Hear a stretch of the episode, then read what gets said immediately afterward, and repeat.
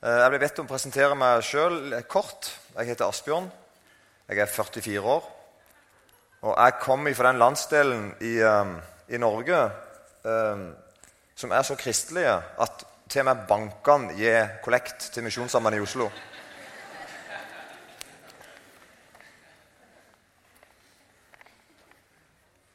Jeg kommer fra den landsdelen der Per Inge Torkelsen Du ikke vet han nazifrisør-duden? Han er anklaga for å være det. Um, han har jo, vært i hvert fall veldig morsom før, og han sa jo at hadde det ikke vært for alle kirkene på Sørlandet, så hadde bedehusene leie vegg i vegg. Um, og det er jo litt sånn. Og liksom innerst i der igjen, der er jeg født. Mellom bedehuset og kirka. I en plass som heter Eiken.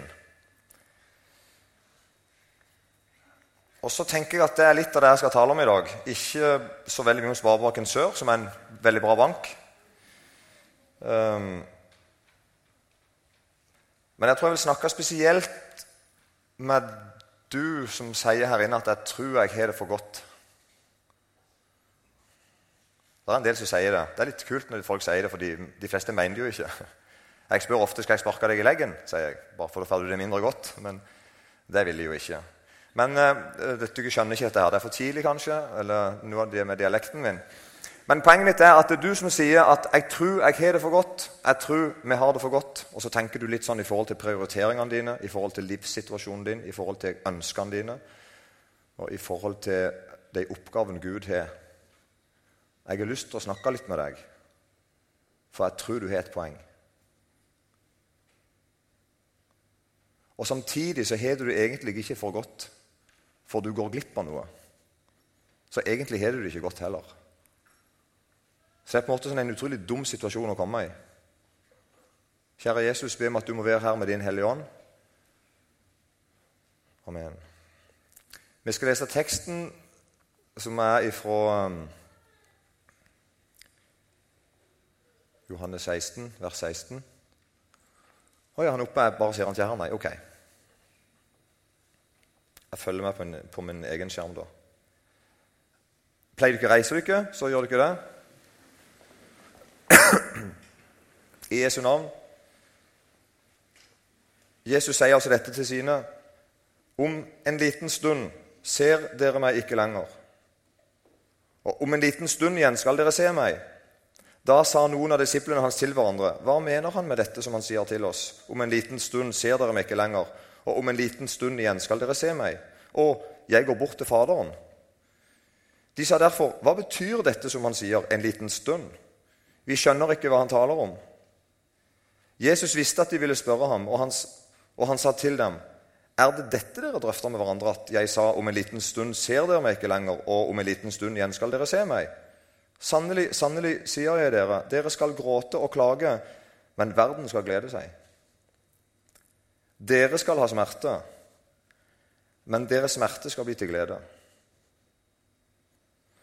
Når en kvinne skal føde, har hun smerte, fordi hennes time er kommet. Men når hun har født barnet, minnes hun ikke sine trengsler mer, i glede over at et menneske er født til verden. Slik har også dere smerte nå. Men jeg skal se dere igjen, og deres hjerte skal glede seg, og ingen tar deres glede fra dere. Så neste Jesus, vær med, vær med oss her i dag med din ånd. Møt oss. Amen.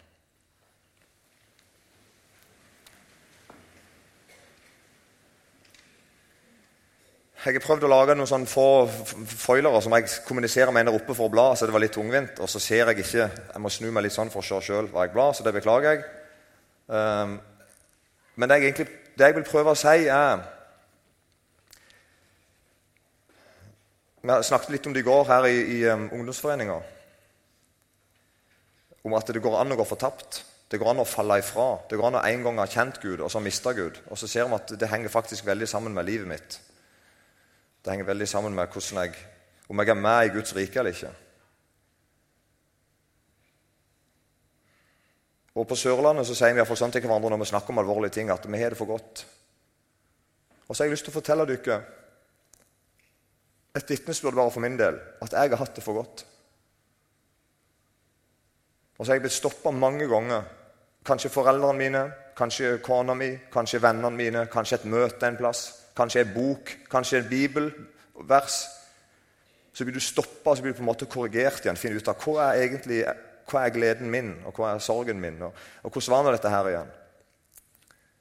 Og Det er bare halvannet år siden at jeg en, eh, ble kjent med en rumener. De som vi nå har jaga veldig godt ut av landet vårt de siste dagene. En av dem. Og han møtte Jesus. Og når han møtte Jesus, og jeg skulle være med og lære han litt mer om hva kristen var, så endte det med i veldig kort tid at han lærte meg kanskje vel så mye om hva kristen var. Han begynte å spørre meg hvorfor, hvorfor lever dere sånn som dere lever, dere som kaller dere kristne. Hvorfor er dere opptatt av de og de tingene? Hvorfor har dere så store hus? Hvorfor reiser dere på ferie? Hvorfor har dere så sabla stor veranda? Han bare lurte på det. altså. Det var jo frekt, selvfølgelig, så jeg begynte jo å grine. Jeg ble, jeg ble såra. Det skal du høre her. Ja, jeg gir til misjonen og Skulle bare visst alt jeg har vært gjennom, liksom, eller noe sånt. Men jeg merket han er rett. Vi er på en måte på feil vei. Jesus han snakker med sine beste venner her i teksten. Han forteller dem at han skal dø uten helt å egentlig være død. Han, for, han, skal forlate dem uten egentlig helt å forlate dem. Det er veldig vanskelig for lærersønnen å skjønne hva er det han egentlig snakker om. Skal han gå, eller skal han ikke gå? Skal han være her, eller skal han ikke være her? Er det, er det bra, eller er det dårlig? Jesus sier egentlig at jeg blir borte en stund.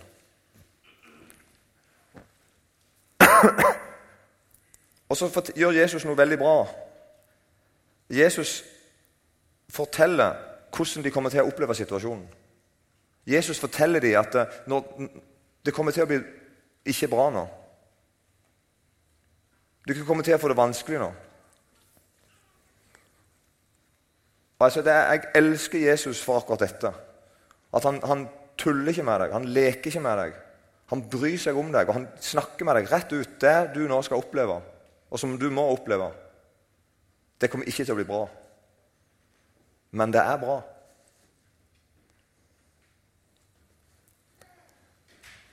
Og Det er ikke lett å være den som er trist mens alle andre rundt er glade.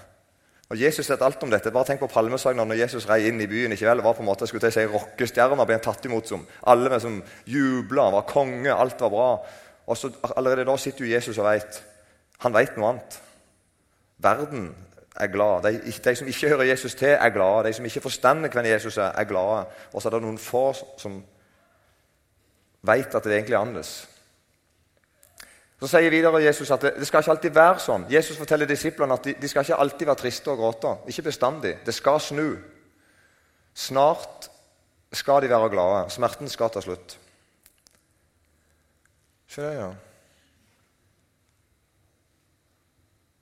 Og så gjenger Jesus langt i å beskrive på en måte smerten. Det er nok ikke tilfeldig at altså, fødsel er vel noe av det verste at mennesker kan gjennomgå. Utenom det når en mann er forkjøla. Og så vi skjønner at dette, disse smertene er ikke sånn litt. Og vi skjønner at smertene er ikke sånn at jeg kan, jeg kan, velge å ta disse smertene en annen gang. Det er sånn at det, nå er tida kommet. Nå skjer det. Du har visst det lenge. Du har snakka med legen om det lenge. Du har snakka med mora di om det lenge. Ikke sant? Du skal snart bli mamma, og det kommer til å gjøre vondt. Men du, du gjør det. Det er ikke tilfeldig at Jesus bruker akkurat sånne eksempler. En tilbake igjen. Jesus viser jo at smerten er nødvendig. Det er noe som skal skje, som ikke er sånn ett fett om skjer eller ikke. Det skal skje noe nå som er viktig at skjer. Og så viser altså Jesus da en eh, det er vondt, men allikevel viktig situasjon. som du bladde forbi nå. Jesus lover noe mer her i vers 22. Han sier da i slutten av denne teksten her, at slik har også dere smerte nå, men jeg skal se dere igjen, og deres hjerte skal glede seg, og ingen tar deres glede fra dere. Neste. Så jeg skal ta bare det siste poenget mitt først. Det siste poenget som jeg ser i denne teksten, det er at Jesus forteller at verden, hvem det er, det er de som ikke kjenner Jesus. Det er de som kaller seg kristne, men ikke kjenner Jesus, og det er alle de andre som vet at de ikke kjenner Jesus. Men særlig er det de religiøse. Det du egentlig hadde forventa en annen reaksjon som egentlig sier at de er mer på greiene. Det er noen som skal være glade når Jesus forsvinner. Det passet de. Det er faktisk noen som skal være glade fordi Jesus forsvinner. Og så er det spørsmålet mitt der, Hvordan har verden det når Jesus kom tilbake? Altså han, Hver gang han kommer. Den gangen han skal komme endelig, men når han kommer nå òg. Hvordan skal verden se ut? Jesus sier at verden skal le og være glad når han reiser. Når de slipper han på en måte. Hvordan, skal, hvordan ser verden ut når Jesus kommer når Jesus møter verden? Enten det er nå i dag på møtet her. Hvordan ser de ikke-kristne ut da? Det er på en måte ikke en målestokk for oss. Vi vet ikke det. Neste plansje. Poenget er på en måte at verden, de som ikke kjenner Jesus, de er ute å kjøre. De, de, de forstår ikke hva som skjer. De vet ikke hvorfor det skjer. De, ikke, de, de er rådville. De fikk med seg, de som levde samtidig med Jesus, de fikk med seg at Jesus døde.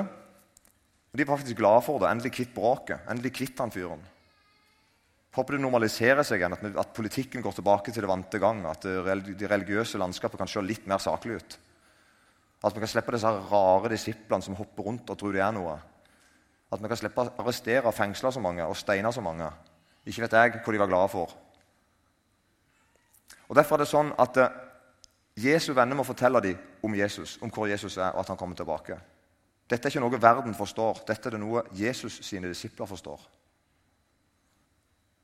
Og Teksten forteller om en enkeltepisode. altså Denne teksten handler om en helt spesiell gang. Jesus sier at 'nå skal jeg reise ifra dere'. Det var jo helt konkret. Nå skal jeg dø. Og det er nye tider. Den hellige ånd skal komme. Jeg skal, jeg skal sende en annen til dere i stedet for meg. Det er sånn konkrete situasjoner vi leser om i Bibelen. og Likevel er det også på en måte prinsipper i Guds rike. Det er sånn Guds rike er. Jesus sine venner lever under andre forhold enn alle, alle de andre. Og Derfor så har de det òg annerledes. Og det er et kjennetegn på du som hører Jesus til. Du, du har det ikke sånn som alle de andre.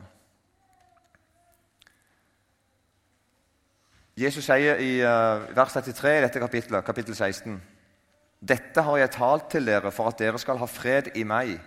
I verden har dere trengsel, men vær frimodige. Jeg har overvunnet verden.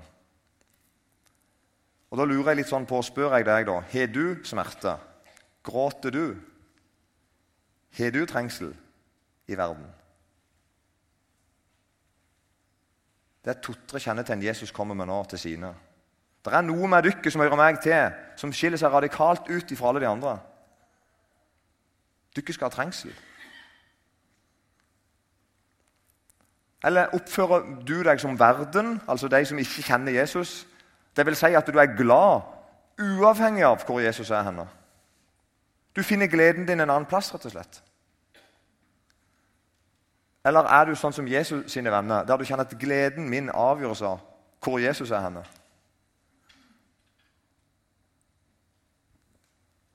Den mest vanlige imaget hvis vi skal tegne i hvert fall på Sørlandet Det er mulig at det er litt annerledes her. Det skal ikke jeg krangle med dere om. Jeg er i hvert fall 100% sikker på hvordan det er i Øst- og Vest-Agder. Der er det sånn at Hvis vi skal dytte fram, meg selv inkludert, hvis vi skal dytte fram på en måte et, en representant fra oss på bedehus-kirkelandskapet, så håper vi det er noen som, eh, som, ser litt annerledes ut enn meg. De ser litt hyggelige ut. De har en hyggeligere bakgrunn. De smiler litt. og er på en måte en sånn glade kristne. Glade kristne, er det det heter. Og vi skjønner jo, Det er jo, det er jo selvfølgelig, det er jo det er ikke, det er ikke plent galt, det. da. Men poenget er bare det at det er ikke hele bildet. Det er poenget mitt. Vi ser for oss at gladkristne tegner en bedre Jesus for verden enn tristkristne. For, eksempel. for ikke snakke om trengsel- og smertekristne. Vi, vi tenker det. Og I så tilfelle bommer Jesus veldig. Og tenk på det, Hvor er det evangeliet går veldig fram nå i dag? Hvordan ser de kristne ut der som evangeliet går sånn kjempefram i dag, enten det er Asia eller Afrika? De er forfulgt. De brenner kirken deres. Bomber går av mens de har gudstjeneste. De må rømme, de må flykte, de må ofre alt.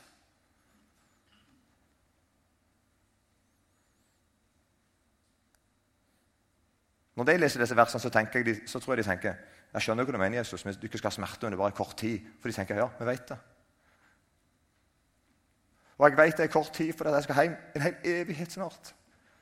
Og det er f.eks. 80 år med dritt her på jorda. Det er ikke så mye.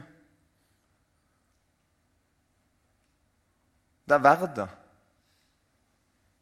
Og samtidig ikke bare det. Jeg ønsker det, for da er jeg sammen med Jesus.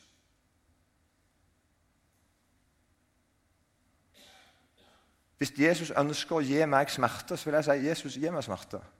Tilgi meg for at jeg ikke engang forstår at jeg, at jeg må inn i det.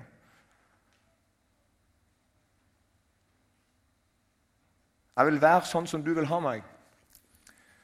Så jeg vil bare si til dere her at Jesus Dette er sånn flåsete, sånn, litt sånn jalla sagt, kanskje, men så får dere teologer diskutere det etterpå. Men Jesus bruker kristne som har det humøret han gir dem. Det er poenget mitt. Han leter ikke etter spesielt glade kristne eller spesielt triste kristne heller. Jesus leter etter deg, og så ønsker han å behandle deg sånn som han vil. Og så får du få det humøret det blir, da. Ikke sant? Får få, det, det får bli det imaget det ble, da. Er du med? For du hører Jesus til.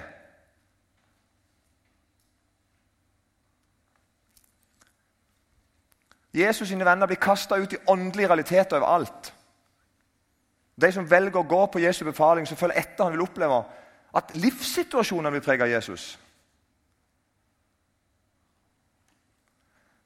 Du trenger ikke være trist for å følge Jesus. Du trenger ikke være glad heller. Er du ikke med? Du må følge han. Og Da ser vi kristne tror jeg, litt sånn forskjellige ut. Så var det noen spørsmål dette er hentet fra Matteus 5, 13, når Jesus forteller sine nærmeste hva som kjennetegner mine, hva som kjennetegner folket mitt. Og Da sier han en del sånn salige er de som er fattige i ånden, salige osv. Nå bare stiller jeg det på sånn spørsmål til dere. ok? Er du fattig i ånden?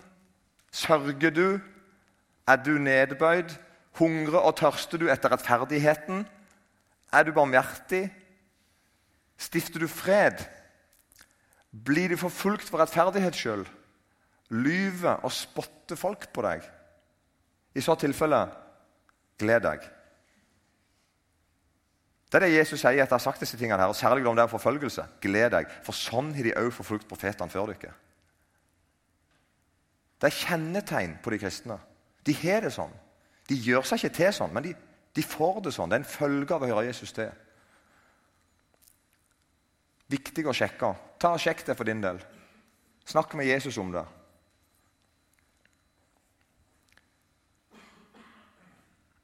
Neste.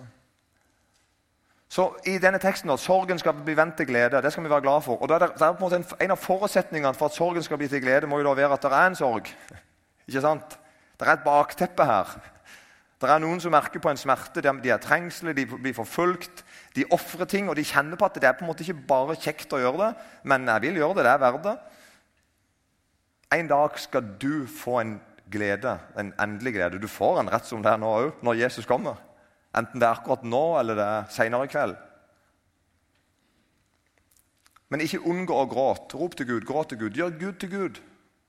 La Gud tegne kristenprofilen du skal ha. Er du med? Ikke bli en sånn kristen som de andre er. eller? Ikke bli det. For det første så er det veldig kjedelig at du blir det. Og for det andre så er det kanskje ikke det du skal bli engang. Det er feil. Så, så, jeg må få med Gud å gjøre, så får Gud behandle meg sånn som han vil. Og så får det se ut for dere sånn som det ser ut. Og så vet jeg altså at for en kristen stort sett Når vi en dag står hjemme og synger Lammet sin sang og Moses sin sang Da står det at det var, dette er et folk som før var sørgende. De er vel kjent med smerte og sånn. Men nå er de glade for alltid. Og Det er ikke, det er ikke en kjeft der som sier 'jeg angrer nesten på dette'. Det er ikke én. Det er bare en aldeles jubel. Dette var verdt det. Og Nå ser jeg det mer enn noen gang før. og Der står lammet, han som døde for meg, og som ordner alt for meg, og som er på en måte grunnen til at jeg lever, og grunnen til at jeg dør. Og grunnen til at jeg ikke dør. Og Så står det da om, om de som går fortapt faktisk, i Bibelen. I Johannes' åpenbaring 21, ganske på slutten der, så står det om noen som var feige. De kristne er ikke feige. Jesus' sine disipler er ikke feige. Og En dag skal du seire.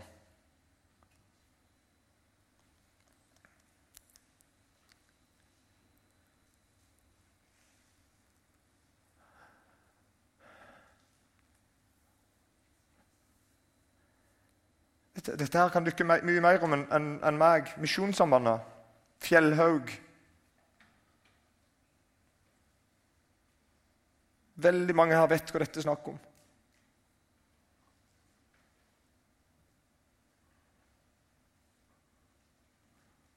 Det er altså to milliarder, kanskje til og med mer enn to milliarder mennesker akkurat nå som ikke har hørt om Jesus. Som ikke vet om hva som skjer når de dør. Som ikke har noe å glede seg til, egentlig, selv om noen av de har det greit. Det er ikke alle de to milliardene her som, det, som opplever at de ikke har det bra. Mange av de opplever at de har det kjempebra. Så det er én sorg som vi aldri må miste før, vi, før det er for seint. Dvs. Si når jeg er død. Da kan denne sorgen glippe for meg, for da er det for seint for meg å bekymrer meg. Men akkurat nå er det to milliarder mennesker som aldri har hørt Jesu navn forkynt på en sånn måte at de kan ta stilling til noe, forstå noe, bli født på ny.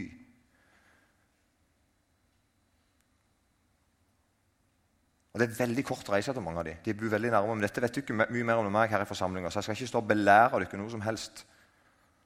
Og Jeg kjenner stor respekt overfor det som dere representerer i denne menigheten. Og den organisasjonen dere representerer. Og Det jeg respekterer mest med Misjonssambandet, er nettopp den historien når jeg leser om misjonærene nå og de som var. Det ser ut som at de mye mer har forstått den der tydeligheten med å ofre noe, forsake noe, og lide noe. Og satse noe. Og så har kanskje mista det litt i Norge. Men det er akkurat samme spillereglene i Norge. Og En nordmann som ikke kjenner Jesus, han går akkurat like mye fortapt som en hedning.